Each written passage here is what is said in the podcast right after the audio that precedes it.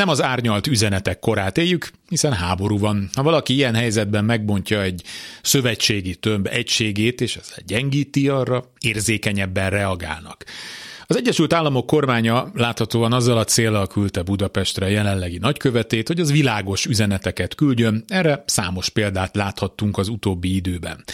Orbán Viktor ettől persze nem fog kizökkenni, azt a világpolitikai víziót követi, ami szerinte az érvényes, közben pedig bízik Trump visszatérésében. Ma is kapott egy üzenetet mindenki, akinek magyar útlevele van, rosszabb feltételekkel utazhat Amerikába. A hivatalos indok az, hogy az egyszerűsített honosítás tömeges volt miatt, sokan juthattak magyar okmányokhoz, gyanús elemek is, ez pedig veszélyt jelent. Történt mindez úgy, hogy valójában a nem Magyarországon született magyar állampolgárokra ez az egyszerűsített eljárás már vagy két éve nem vonatkozik, nekik eddig is vízumot kellett igényelni, legalábbis ez derül ki a nagykövetség honlapjára kattintva, csak ez eddig nem volt téma. A Covid idején amúgy sem lehetett beutazni sokáig.